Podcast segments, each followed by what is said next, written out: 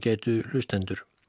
Fyrir nokkrum vikum, eða mánuðum kannski, þá las ég hér tvo kabla úr æfiminningabók Theodors Fridrikssonar, ofan, jarðar og neðan, sem útkom í Reykjavík árið 1944 en þessir tveir kaplar voru reyndar þeirra náttúru að þeir byrtust alls ekki í bókinni eins og hún var prentuð. Vegna þess að skáldið Steinn Steinar sem um var fjallað í öðrum kaplanum, honum fannst sér gerð einhver nýðurlæging með skrifum Theodors og lind ekki látum fyrir en kaplinum hann og annar til hafðu verið feldir burt úr henni prentuðu bók. Þóttir hafi þá verið full frá gengnir og meira segja uppsettir á síður. Þessi einkennilega saga hefur gætnan skikt á þessa æfiminningabók Theodors að öðru leiti en ofanjarðar og neðan er reyndar alls ekki óskemtilegt rít og að mörguleiti mjög fróðlegt bæði um höfundin, líf hans og samtíma. Því ætla ég að lesa úr þessari bók Theodors í þessum þætti og núna kapla sem sannarlega byrtist í bókinni. En þóttir reyndar nokkuð neykslanlegur því þar er líst á hisspurslausan hátt æsilegu skemmtanalífi í Reykjavík á fyrstu misserum eftir að brettar hernámi Ísland í mæ 1940. Þá var Theodor Fridriksson orðin Roskin maður. Hann fættist á Flatei á Skjálfanda árið 1876, var af réttu og sléttu alþýðu fólki kominn og var lengst af sjómaður. Hann bjó í fljótum, síðan í Skagafyrði og svo lengi á Húsavík. Um 1930 fluttist Theodor svo til Reykjavíkur og bjóð þar síðan. En hann var endar á eilífu flakki. Hann var farandmaður, segir í einni minningargreininu um hann. Farandverkamaður, farand sjómaður og svo farand rittufundur. En þegar kjör hans voru þrengst, fátæktinn sárust og umkomuleysið mest, þá hóf hann að semja skáldsögur. Þráinn til reittstarfa var Theodor óviðráðanleg, jafn örugur og miskunarlaus förunautur og sjálf fátæktin, en annars gleði hann svo indi í hverju þeirri tómstund sem henni varð helguð.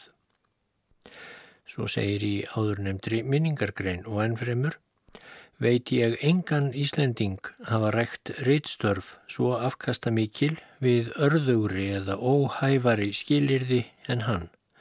Hann hafði þá ókúandi neyð til skáldlistar og reitstarfa sem hinn bágustu kjör og þrótlust hversdagstritt fengu aldrei bögað. Skáldsögur og smásögur Theodors mæltust á sínum tíma príðilega fyrir, sumar þeirra allavega en er víst lítið sem ekkert lesnar lengur held ég, en það er nú örlög margra ritthöfunda að verk þeirra tínast við vegarbrún tímans meðan fólkið heldur áfram í yfirbyggðum bíl. Og ekkert við því að gera. En á síðar hluta æfinar, þegar Theodor var fluttur til Reykjavíkur og fegst við ímistörf til að hafa í sig á, Þá fór hann að skrifa þá sjálfsæfisögu sem þótti verulegum tíðindum sæta og enn er lesin en hún kom út árið 1941 í tveimur bindum. Í verum heitir bókin og þar segir frá æsku árum Teodors og fyrstu áratugum við stopulan leik og þrótlaus störf á svo þrótt mikinn og einlægan og opinskáan hátt að annað eins hafði vart sést á Íslandi áður alveg sérilegi ekki af hendi óbreyts alþýðumanns.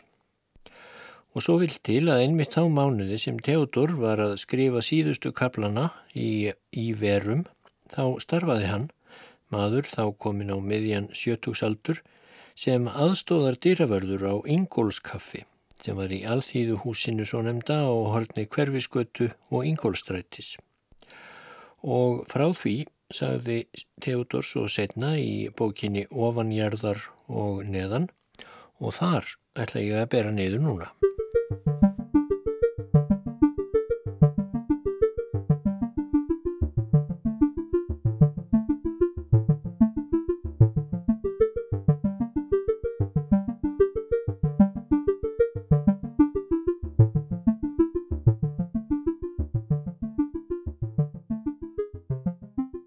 Sumarið 1940 var ég í vegavinnu við Kolviðarhól en þegar ég kom heim um haustið fór ég að líta í kringum mig eftir léttri vinnu. Dýrtíð fór óðumvaksandi og sá ég því fram á það að einhverja bragða varða að leita til þess að komast hjá skuldum og skorti en hins vegar treysti ég mér ekki til erfiðisvinnu fyrstum sinn. Ég færiði þetta meðal annars í tal við einn góðkunningi minn sem gaf mér það ráð að ég skildi tala við Ott Ólafsson er hefði umsjón með rekstri yðurnós og alþýðuhúsins. Því eigi væri ólíklegt að hann þyrti á manni að halda við kaffisöluna í alþýðuhúsinu, Ingólskaffi sem þar var rekið og sérstaklega á kvöldin þá leitaði þángað margt gesta þar á meðal erlendir hermenn. Var þá mikið um að vera þar var starfandi hljómsveit og dansað fram eftir kvöldi þar voru miklar veitingar og margskonar og þurfti því mikið og gott eftirlit. Skömmu síðar gekk ég á að funda odds og færði þetta í talviðan. Var það að samkominlega ég mitt lokkar að ég eiriði þarna til aðstóðardýraverðinum Guðmundi B. Magnúsinni á kvöldin frá klukka 9 til 11.30. Fyrir þetta skildi ég fá kvöldverð og 40 krónur á mánuði. Otur bjóst við að sögum kvöldin myndi ég þó ekki þurfa að koma til eftirlits því að veitingasalirnir myndu þá lánaðir til fundahalda og ímislegra samkvæma sem þeir sæju um sem fyrir stæðu og myndi þetta engum verða um helgar. Ég bjóst ekki við neittni láteiðu þar náingólskaffi. Um þessar myndir var hver smuga þar sem einhverjar veitingar voru seldar auga full af breskum hermunum og þóttu þeir heldur aðsóps miklir engum við kvennfólk. Gengu um bæin hinnar stórkoslegustu kynja sögur um ástandið og kom ingólskaffi við þær sögur eins og aðrir veitingastæðir. En ég gerði mér það ljóst að ég gæti ekki afturkallað hinn að gömlu góðu tíma og þeirra viðhorf til lífsins og ég átti ekki annars kost en að taka því sem nú hafði að höndum borið. Landið var hernumið eins og á dögum jörundar hundadagakonungs og því var það ekki auðveldlega breytt. En um leið og það hafi verið á okkur þetta þjóðar kríli lagt, þá hafðu losnað af okkur ímis önnur álög og því fylgdu margskonar hræringar bæði í hug og hjarta fólksins. Atfinnuleust fólk hafði fengið vinnu, fátækir, orðið ríkir, peningaflóð farið yfir landið og fylgdi því margsháttar brask og spilamennska. Innibyrðar þrár hafðu losnað úr læðingi og margir gáfu ástríðum sínum lausan taumin í margvíslegum skollaleik. Lífinu var lifað á frumstæðan hátt eins og áður en þó með öðrum svip á vitraborði. Skollablindan var enn auðsærri og í hana síndist gengið með meiri fagnuði en fyrr. Starfsfólk við Ingólskaffi veturinn 1940 til 41 var sem hér segir. Fyrstan skal frægan telja útvalin og velmetinn dyrravörð nánasta samstarfsmann minn Guðmund B. Magnússon. Hann var maður og besta aldri, hafði gengt þessu starfi við Ingólskaffi um nokkur ár og orðin öllum hnútum kunnugur. En auk þessa starfs hafði Guðmundur reyndar ímislegt annað í tækinu þegar hér var komið sögu og dreifði það huga hans frá dýragesslunni með köplum. Hann hafði nefnilega komið sér upp talsverðri loðdýrarækt og átti margt minga á fóðrum söður í raunsholti í gardarheppi. Hafði hann mikið fjemilli handa og þurfti við marga að tala. Forstöðukona í eldhúsinu var Elín Borg Finnbóadóttir. Hafði hún fjórar stúlkur sér til aðstóðar, Guðrúnu Guðjónsdóttur, Rannveigu Sigfúsdóttur, kallaða Ransi, liðlega vaksna og snotra stúlku, Salbjörgu Magnúsdóttur og Holmfríði Jónsdóttur. Um beina gengu þrjár stúlkur og einn piltur. Yngibjörg Sigurþórsdóttir, Elsa Tómasdóttir, Sigríður Friðfinnsdóttir og Svavar Kristjánsson. Svavar var ungur maður og snotur piltur, einstaklega viðfeldinn og gladlindur náungi. Fatageimslu önnuðust tvær konur, Margrét Ejjólfsdóttir, ógift stúlka, nettvaksinn og liðleg í reyfingum og svo Inga Gestsdóttir, giftkona mikil að vallar sín. Í forföllum annarar korrar þeirra kom þarna stundum miðaldra kona, þórdísaðnafni, dökkhærð og móeigð, rjóði andliti og þjættvaksin. Viðfeldin var hún í framkomu og bauð af sér góðan þokka. Á Ingólskaffi fór þá fram mikil matsala auk annara veitinga. Var þá salnum mikla niðri, skipti í tvo sali og innri salurinn þakinn smáborðum, lögðum kvítum dúkum. Þarna borðaði fjöldi fólks, karlar og konur. Reynlega var um borð borið og snoturlega um gengið. Gestir máttu velja sér borð og sæti eftir gethóta og varð úr því stundum nokkur rugglingur ef menn gettu þess ekki að koma í tíma í það sæti er þeir höfðu fyrst kosið sér. Ég borðaði þarna kvöldverð sem fyrr segir. Gætti ég þess að mæta reglulega til matar klukkan sjö eftir hátegi. Ég hafði gaman af að virða fyrir mér fólkið er satt þarna í breyðu og stundum hafði ég ánægju að viðræðum við einn og annan er næri mér satt. Mér fjall og vel klíðurinn frá hnífum, göflum og skeiðum, samtali fólksins í fjölmennum kór og söng, djass og öðrum háfaða í útvarpinu. Klukkan átta voru borð upp tekinn. Bar mér þá að hjálpa þjóninum að raða stólum og borðum og undirbúa í sölunum niðri fyrir dans og nýjar veitingar. Stundum urðin okkur snúningar við að hleypa kostgöngurunum út. Dýrunum út að Ingólstræti var lokað klukkan átta og varð eftir það að hleypa öllum út um dyrnar að hverfiskötu og gæta þessi afframt að enginn kemi inn fyrir en opnað var fyrir veitingum kvöldsins klukkan nýju. Þessir snúningar voru stundum líkastir aprílhlaupum. Littlu fyrir klukkan nýju komu stúlkurnar sem getu fata kvöldgestanna, röðuðu þartilgerðum spjöldum á fatasnagana. Allt var það að vera vel undirbúið því að líkast var sem áhlaup væri gert á húsið um leið og opnað var. Úr því ég geri lífið á Ingólskaffi bæði ofanjarðar og neðan að umræðu efni þykir mér vel við eiga að bjóða lesandanum þangað eina kvöldstund í gleðina og glömin. Mér þykir rétt að velja til þess kvöld þegar salirinnir eru auga fullir af gestum Það eru engin leiniherbergi eða skúmaskott og því má sjá leikin allan eins og hann er þar leikin. Hitt getur verið að eftir á gerist aðrir þættir sem ekki er hægt að sjá og verður hver að ráða í það efni eins og hann er maður til. Við skulum koma þarna þegar búið er að dúka borðin og raða spjöldum á fatasnagana. Ég kem frá því að bera nokkra bjórkassa með þjóninum inn í eldhús því búist er við að mikið verði drukkið þetta kvöld. Síðustu kostgangararnir eru að týnast út því ekki vilja þeir eiga ofinber mög við þá ber syndugu sem þarna munu koma um kvöldið. Klukkuna vantar nokkrar mínútur í nýju. Ég set dæluna í gang til að reynsa loftið. Von er á guðmundi yfirdýraverði á hverju stundu.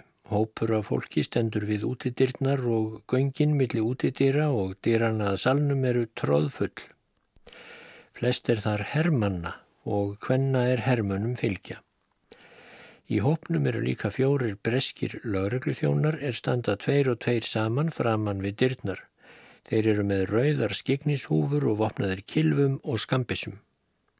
Þetta eru myndarlegir menn, teinréttir, þungir undir brún og alvarlegir og taka vel eftir öllu sem framfer. Þeir eru þarna til eftirlits allt kvöldið. Ég fer nú sjálfur fram fyrir hurðina að salnum og líti yfir hópin.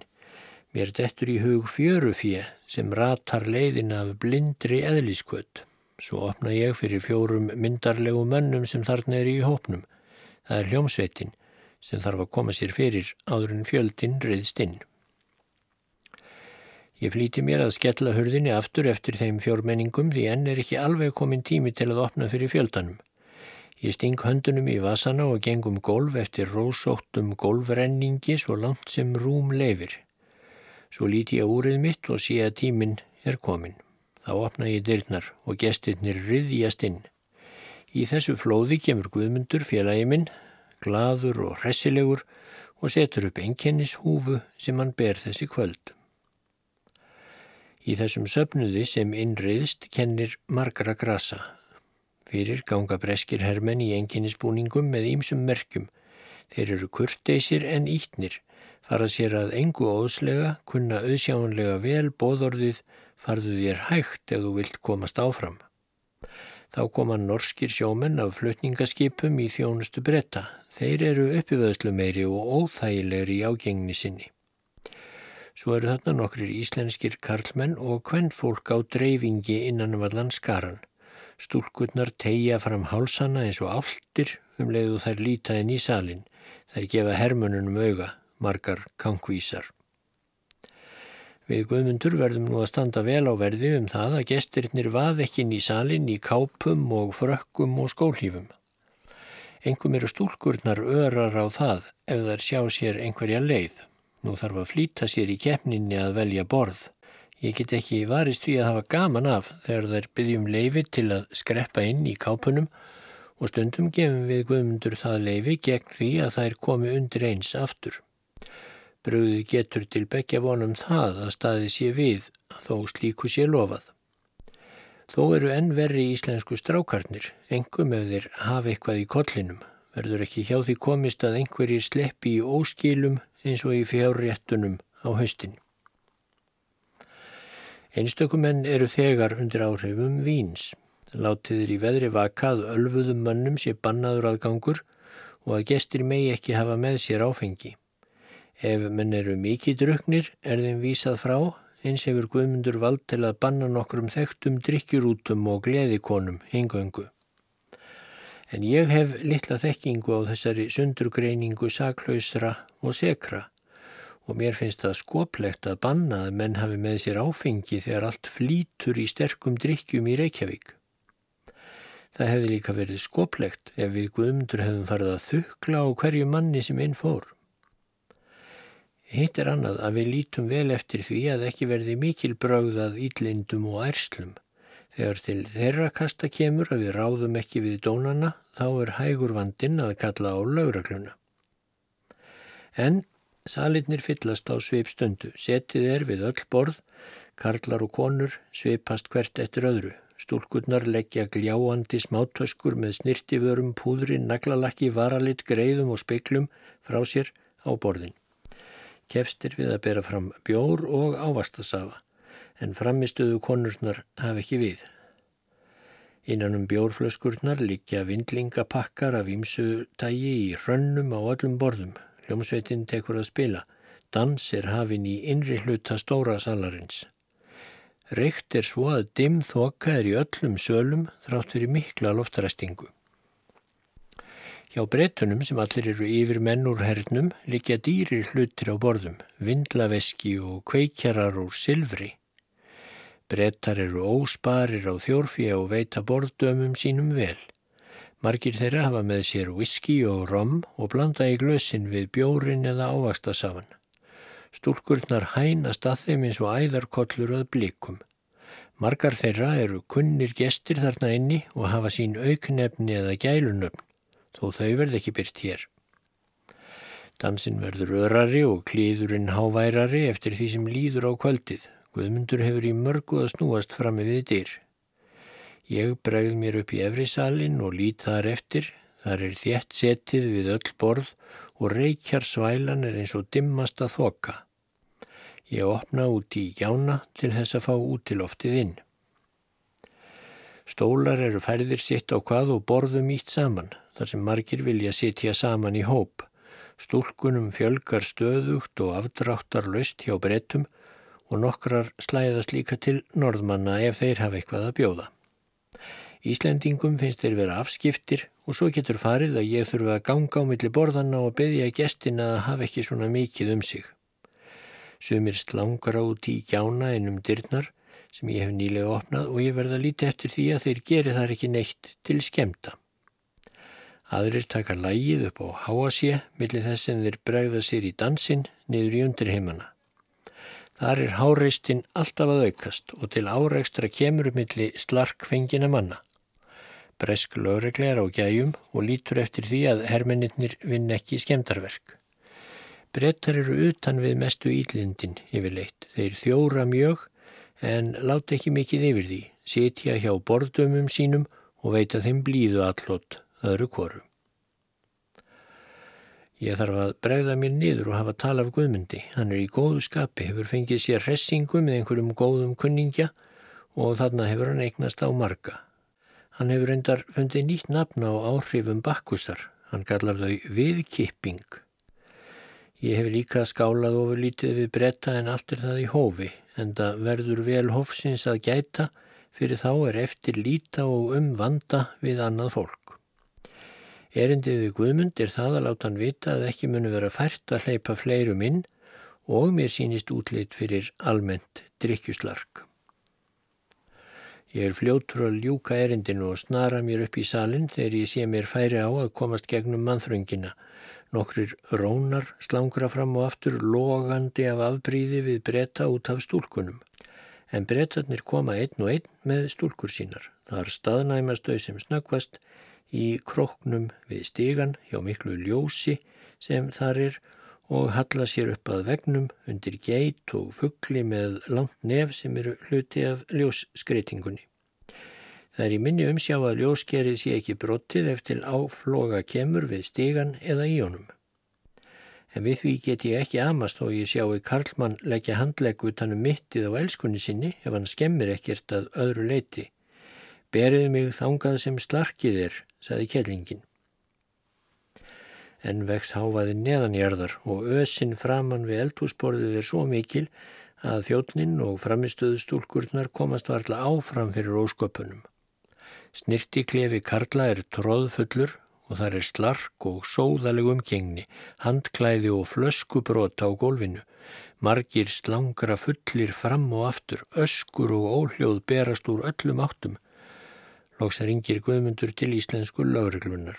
Þrýr stórir og stæðilegir menni í fallegum enkennisbúningum koma til að ganga millir nokkura Íslendinga og hermanna sem komnir eru í hár saman. Breskir laurglumenn koma líka til að miðla málum, þeir snúa sér engöngu að sínumönnum en leiða Íslendingana alveg hjá sér. Margar stúlnana eru fullar við borðin, flestar hjá brettum, nokkrar hjá norðmönnum. Sumar eru svo öðrar að þær bjóða faðminn hverjum sem hafa vill. Hljómsveitin hættir að spila, dansinum er lokið, klukkan er hálf tólf, gestirnir riðjast um og týja sig til brottferðar. Það tekur nokkur tíma að hafa suma frá borðunum og verður að beita við á lagni ef vel á að takast. Að öðrum kosti verður að kalla á laurugluna aftur. Frammi við dyrnar og í göngunum út slær mörgum saman í áflógum. Rutt er um nokkrum borðum, stólum og flöskum í fremri hluta stórasalar. Fjóri rónar eru settir í steinin fyrir áflógu ítlindi.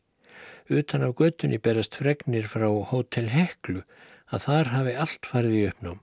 Lágreglan hafa orðið að skerast í leikin og reka út alla gesti löngu áður en dansin hætti á Ingólskaffi. Ég er í góðu skapi. Þegar ég líti við borð og bekki minnir það mig á nýjafstæðana hákarlarróttu eða fjörur eftir brím. Nú er það verkefni hand okkur guðmyndi að ganga á rekan.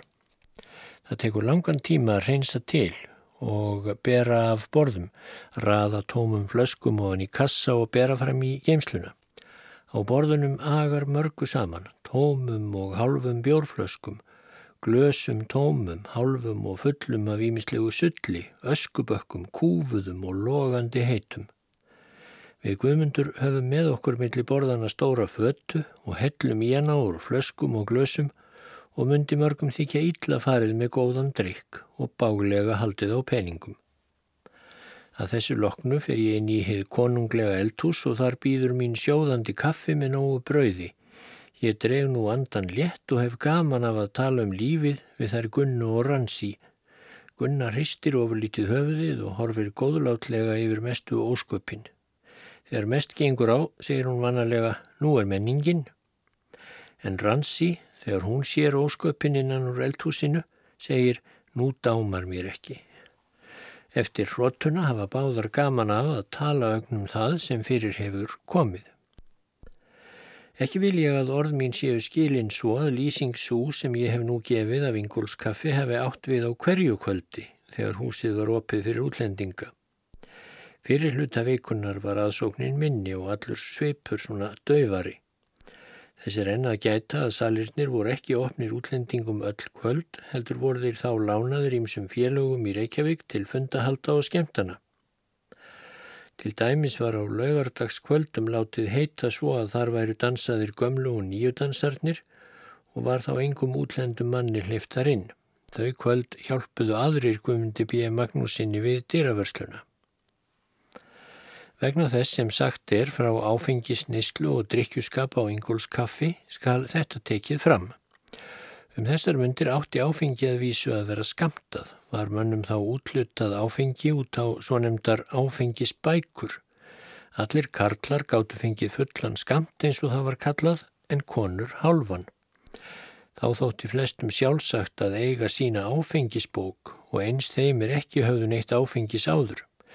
Gamlar og örvasa konur unnu það að sögn til að tróðast inn í áfengisbúðana til að ná í skamtana sína en grunur var á að þeir skamtar gengju til annara ímist í greiðaskinni eða fyrir offjár sem fjallu þá í skaut gömlu kvennana. Leinisalar höfðu allar klær úti og dróðu til sín margar flöskurnar og seldu síðan með okkur verði.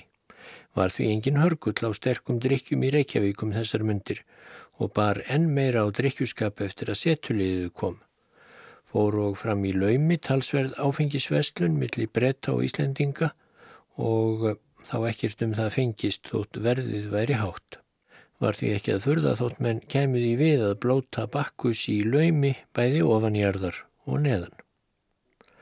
Reyndar átti svo að heita að bannað væri að neyta áfengis á ofinbyrjum stöðum og engin vínsala mátti fara fram í veitingahúsum nema Hotel Borg en það þótti mörgum harðir kostir að með ekki hafa með sérhessingu á veitingastæðina og skeittu þeir þá ekki um bóð og bann. Við Íslendingar höfum vist aldrei fengið orð fyrir að vera sérstaklega löghlýðinir og sístaföllu þegar áfengislaugin hafi verið annarsvegar. Hermeninnir fóru heldur ekki dullt með það að þeim þætti það horð lög að með ekki skvett í sig sínu eigin víni er þeir komið með inn í veitingahús til að skemta sér og skeittu þeir ekki neitt um bannið. Auðvitað bárust mér þarna fyrir augu svipliftur af fjölmörgum ævintýrum. Hér er ekkert rúm til að segja frá þeim en það auðnaðist mér sjaldan að sjá nema lítinn þátt úr hverju ævintýri og vantaði oftast bæði upphaf og endi. En til að gera forvittnum mönnum ofurlilla úrlaust þá skal ég segja lauslega frá einu þessu ævintýri. Mörg voru því lík en auðvitað hvert með sínum afbreyðum. Einn var svo, er mér þótti bera af öllum þeim, er vöndu komur sínar á Ingólskaffi þennan vetur.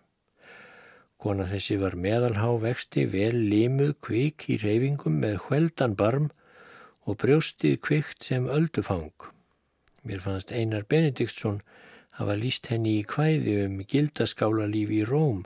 Hún bar djúpsins hall í augum, hár var blagt sem mararþang.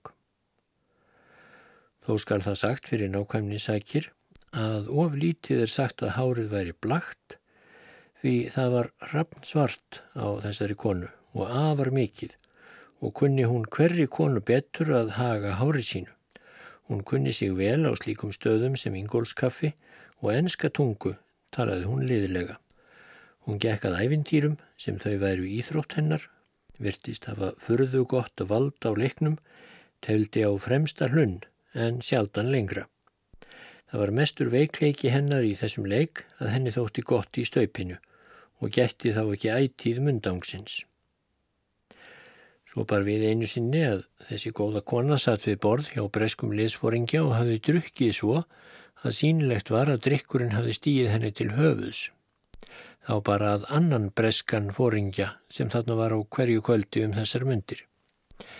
Við litum svo á að hann myndi vera til eftirlits þótt ekki bæran enginnisbúning lögreglumans.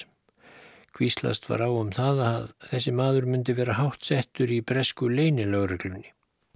Víst var að hann hafði nákvæmar gætur og öllu sem framfór. Hann var með glæsilegustu mönnum sem ég hef séð, mikill vexti, virðulegur og fríður sínum með dögt yfirvaraskegg, móleit augu, festulegur og alvarlegur og sveip, hægur í fasi, hafði glögg enginni þess að vera yfirstjættarmadur og borgarbúi og vanur samkvæmislífi. Hann settist við borðið og skálaði við þann sem fyrir var. Hinn vildi þá skengja í glas stúlkunnar en hinn nýkomni brá höndsinni yfir glasið. Stúlkan sem var öra víni vildi þó sína honum blíðu allot. Hann stjakaði henn ekki frá sér en tók þessu alvarlega og eins og hjælt henni í hæfilegri fjarlögð.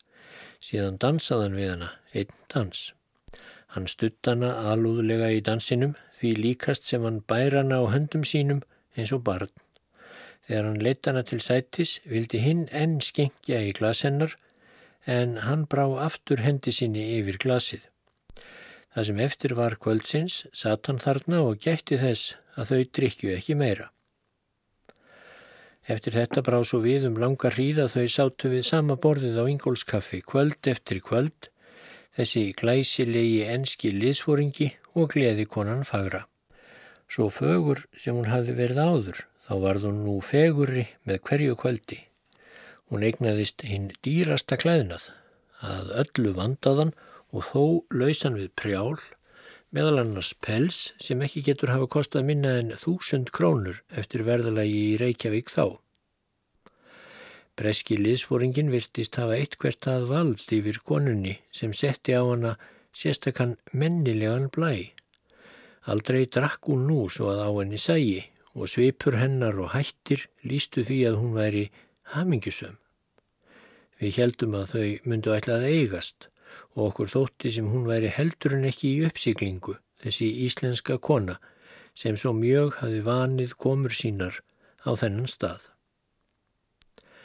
En svo kvarf þessi glæsilegi breski liðsfóringi af sviðinu skindilega og kom aldrei á Ingólskaffi framar. Verið getur að hann hafi verið kvattur til starfa annar staðar. En ég heyrði um þetta kvarf hans aðra sögu og ég get ekki neyta því að ég á auðvelt með að trúa henni. Hann á að hafa hitt stúlkuna á öðrum veitingastað með öðrum manni, látið vanþóknun sína í ljós ærlega og þeim orðið sundurorða. Þá höfðu gerst svipuð tíðindi og um hallgerði langbrók forðum hann gaf henni kinnhest og hún kerðan eða skýrða minnstakosti frá þessu samstundis í bræði sinni. Það var til þess að hann var látin hverfa úr umferð. En um stúlkuna er það að segja að hún kom ekki á Ingólskaffi um nokkra hríð eftir þetta. En þegar hún tók að venja komur sínar þangað aftur þá var hún hægt að geta hofs í framkomi sinni. Hún uh, drakk stundum ansi mikið, skeitti því lítið með hverjum hún drakk og gekk á milli manna, ekki síður en ég þegar ég vildi koma bókinni minni út þótt erindi hennar væri annað. Margur myndi líklega ætla að ég hafi verið orðin of gamal til að hafa gaman af þessum solli, skapið ekki orðin of létt til að tala tæpitungu við ungar stúlkur og hugurinn ekki nógu fljótur til viðbragða þegar margt óvænt gatt fyrir komið. Þá mátti við því búast að kall norðan úr fjörðum, gamal hákallamadur, ætti erfitt með að átta sig á og semja sig að síðum fyrir manna úr hinnum konunglega breska herr. Ekki neyta ég því að mér þótti þetta ímsuleiti talsvert annar heimur en ég var vannur, en hann orkaði fremur á mig þannig að mér þættan nýstárlegur og gyrnilegur til fróðulegs og væri að ímsuleiti gaman í honum að tuskast, en að hann væri nexlanlegur og mér fjandsamlegur. Víst þóttu mér elskurnar nokkuð annarlegar þegar þær gerðust druknar, en mér fannst oft broslegt að sjá til þeirra en hitt sjálfnar að mér gremdist í geði við þær. Mér döttu stundum í hug fyririldin sem flugu upp úr túninu á þönglabakka eða tindriðastöðum í æskuminni, marglit og leitandi úr einum stað í annan, eigandi engan samastað hvað þá fyrir heitið land. Stundum gatóvissulega háfaðinn og æðigangurinn gengið svo langt að mér leti ídla í eirum, en slíkt þótti mér sem sjálfsagt á svo fjölsóttum veitingastað og ég varð aldrei fyrir neinu njaski, aldrei stjakaði nokkur maður við mér eða syndi mér okkurteysi að undan skildum einum íslenskum dóna og hann yppaðist ekki upp við mig öðru sinni. Þó ég vissi vel að það veri ekki við hæfi að vera úvinn og önugur við þetta starf og sjálfsagt væri að sína öllum gestum sem þarna kemur kurteysi og þó dekur laust þá er hinn ekki að neyta að ég var misjaflega fyrir kallaður að hafa gaman af þeim leik sem þarna fór fram. Þessi ímislegu geðbrygði mínurðu til þess að ég leit á hann frá ýmsum hliðum og sjónarmiðum. Ég heiti líka Marga sem vildu tala um hann og ástandið og margt var um þessi mál rittað og stutti það alltaf því að mér varð ímislegt hugsað um það sem framfór bynd fyrir augunum á mér. Það bar oft við að mér gáfust tómstundir til að fá mér sæti og þrepi við stegan mikla Þarna fór vel um mig, ég sá hvað framfór í steganum, í skotinu og í salnum uppi og klíðurinn úr salnum niðri barstað eirum mínum. Ég stutti þá hægri olbógan á hnjemjör og uh, hönd undir kinn og hugurinn reikaði sitt á hvað aftur í tíman og yfir veröld líðandi tíma. Meðan mér skall glaumurinn við eira í þessum glæstu sölum svifu um hugan eins og til samanburðar, myndir úr baðstofu kitru með moldargólfi. Sögur voru þar lesnar eða rýmur kveðnar á kvöldvökum og síðan húslestur með sálma rauli áður en fólkið gekk til svefns. Í huganum reviðust upp erindi úr passíusálmum og setningar úr vítarinspostitlu og ég hugsaði til gamla fólksins í ungdæmi mínu þess fólks sem bar slíkt trúnaður tröst til þessara sálma og þessa guðsorðs að það létt leggja sálmana eða postilluna á brjóst sér í gröfina og sömur báru þetta sem verndargrippi innan klæða í lifanda lífi. Þetta frumstæða og frómlinda fólk bar að vísu þrár í brjósti, oftast lindar þrár, stundum þó sagðar í hálf kveðin í vísu þrár eftir betri lífskjörum og meira lífsfjöri. Það trúði því þetta fólk að álvar og huldufólk byggi í glæstari sölum og þar væri hljóðfærisláttur, mikið ljósadýrð og alls konar skraut, ekki ólíkt því sem ég fekk nú að sjá og heyra á Ingólskaffi. Því var trúað að fagrar og skrautgjarnar huldumegjar sæktust eftir mennskum mönnum og glæsilegir huldusveinar eftir mennskum megjum. Þó vildi fólkið ekki heilast af álfum, það vildi ekki verða bergnumið. Þrátt fyrir allt kaustað, að minnstakosti í orði kveðinu, það líf sem það livði, fram yfir það líf eins og þetta á kvöldin í Ingólskaffi. Líklega þó mest fyrir það að fólk gæti ekki skilið að svona væri und að lifa með mönnum. Þegar ég vakti upp hjá mér þennan gamla hugsunarhátt og gamlar skýrlífiskröfur, þá fannst mér dansinn í kringum mig vera álvadans, þessi sollur vera léttúðin ennber, fólkið sem þá tók í honum væri allt á leiði til glötunar, djöfullin væri komin í leikin og stjórnaði þessu öllu saman.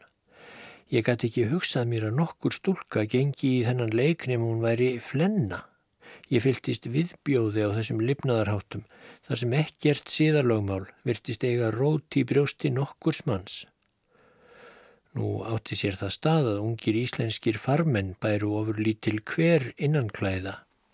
Það voru engir passíusálmar nýja heldur annað Guðsorð, heldur myndir af alls nögtum stúlkum í samförum við karlmenn í alls konar stellingum, eðlilegum og óeðlilegum.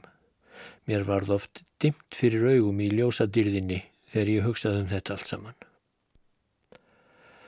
En Mér hafi verið gefin mikið lífsgleði í vöggugjöf og rík samúð með fólki, ekki aðeins góðu fólki, heldur líka bresku. Því gæti ég verið fljóttur að hverfa frá þessu sjónarmiði og líta á málið frá öðrum hliðum. Ég sá þá að mikill munur var á allri hegðun og hugsunarhætti þeirra gesta sem þarna komu og þó að flestir eða allir síndust leita þarna gleði og einhverjar lífsfyllingar þá voru viðbröð þeirra og viðhorf Gagvart þessu lífi förðu margvísleg. Sérstaklega fannst mér margt gott meg að sjá til breyta þessi kvöld og margt meg að læra af framkomu þeirra, hegðun og háttum. Ég óskaði þess stundum að Íslandingarnir sem þarna komu væru menn til að taka sér breytana til fyrirmyndar í margskonar háttvísi. Mér fannst það líka vorkun í þeim ósköpum sem heimstyrjöld var þó fólk leitaði sér afþreyingar við ljósa dýrð og öran æðaslátt sjálfsín á þessum litla friðlýsta bletti neðanjörðar á Ingólskaffi. Það var svo smikinn ónáttúra þótt stúlka sendi kallmanni hýrt auga og kallmaður leti vel að konu undir skigðum ljósum hraðflega kvöldstund og ekki var neitt frá mér tekið með því. Víst voru þarna stelpugopar sem voru óþarlega mikið já, á ferðinni. Það var auðséð að þær gengu í þennan leik eins og óvittar, þó ekki væri þeim yngri en 16 ára liftað slá sér út í sollin. Þarna voru líka margar hraustlegar stúlkur. Það lág utan við minn verkarhinga krifi að þær sagnaðum það hvort þær væru í ástandinu og ekki var það mitt að amast við því að þær væru vel til fara, jáfnvel þótt þær kynna hafa þegið kjól eða kápu af erlendum hermanni. En ekki gæt mér dölist það að þær voru sumar allt annað en öfundsverðar af þessu gleði lífi, því að þær vöndu sig á drikkjuskap og drukku sumar ítla. Hins vegar er ekki rétt að láta einn dóm ganga yfir allar þær stúlkur sem þarna komu. Sumar þeirra voru prúðar í öllu hátterni og þær komu þarna ekki til annars en að fá sér kaffisopa og segja forvitni sína ofurlítið með því að horfa á lífið. Ég heyrði marga hrópa hátum ástandið og kasta þungum steini á kvennfólkið fyrir lauslæti. Menn hörmuðu það að kvennfólk strimdi til Reykjavíkur utan af landi og ekki veri lengur und að fá það til nöðsynlegurar vinnu, jáfnvel ekki í Reykjavík sjálfri. Um það var margt talað að ímsir borgarar bæjarins væri að missa konur sínar út í sollin til breskra hermana og að margur tapaði þangað unnustu sinni. Marga tók það sérlega sárt að telpur innan við fermingaraldur sóguðust út í þessa ringiðu. Víst var ástæða til alls þessa en sumt það sem mest var umtalað held ég að hafi verið orðum aukið. Líka verkar það daltið enkennilega þegar gamlir hórkallar fárast yfir flennuskapnum í stúlkunum þegar þeir eru sjálfur úr sér gengnir til að njóta heimsins listi semta. Vist er það alvarlegt mál þegar ungar stúlkur kasta frá sér meidómi sínum í léttuð og gjálífi en hins vegar er það ekki annað en eðli og gangur lífsins að kona gefi sig manni á vald. Og ekki geti ég verið vissum það að það sé sjálfsagður sáluhjálpar vegur að sektar meðvitund út af samförum sé eins og síopin und sem blæðir eins og gamla fólkið vildi vera láta. Og að farið sé endilega að dæmi Jóns gamla Stengrímssonar þegar hann fór í rúm til ekkunar á reynistað en hann segir að þess áttar samfarir hafi farið fram með heitri bæn og sárum trega á báðar síður. Hver ætli trúi nú þessu?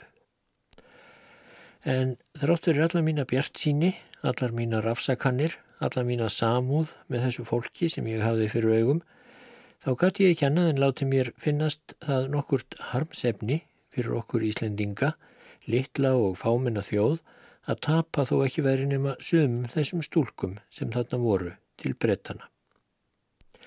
En þá var ekki minnst eftir sjá að þeim stúlkum sem gengu brettum á handa og síðilegastan hátt giftust þeim eftir öllum kröfum og reglum síðaðra manna. Ég var þess oft minnugur að brettar áttu þrátt fyrir allt meira af megjum og konum en við eins og af öllum öðrum heimsins gæðum. En það fann ég að þarna áttu stúlkurnar íslensku frjálst val samkvæmt öllum lögmálum Guðs og manna og því var það að bera þennan harm í hljóði. Svo var mér líka ljóst að bæði okkar þjóð og allar þjóðir voru nú lagðar í deglu í hita og umróti þessara miklu byltingar tíma og það hlautað kost okkur miklar fórnir að ná til framtíðar landsins eins og allar þjóðir aðrar. En ef til vil kostaði okkur enn meiri fórnir en aðrar þjóðir flestar að því breytingin var svo mikil fyrir okkur. Frá kyrlátu og einföldu lífi er öll þjóðin lifði fyrir ekki nema mannsaldri til alls þess skarkala, baráttu og samsetts lífs sem nú var og verða myndi. Það var ekki und að fara að dæmi strútsins, stinga höfðinu í sandin og standa kyrr. Við urðum að lifa lífi nútímans og framtímans, sjáandi og með því viti og þreki sem til var. Það hlaut að kosta fórnir, beinbrott og bana margra manna og kvenna, en hjá því varð ekki flúið nema tapa öllu. Því var heldur ekki rétt að standa á blístri af nextlun, heldur ekki yfir því sem framfór í Ingólskaffi heldur barmanni að sjá og skilja og lifa eins og hver var maður til. Skömmu eftir páskana sagði ég þessari stöðu minni lausri.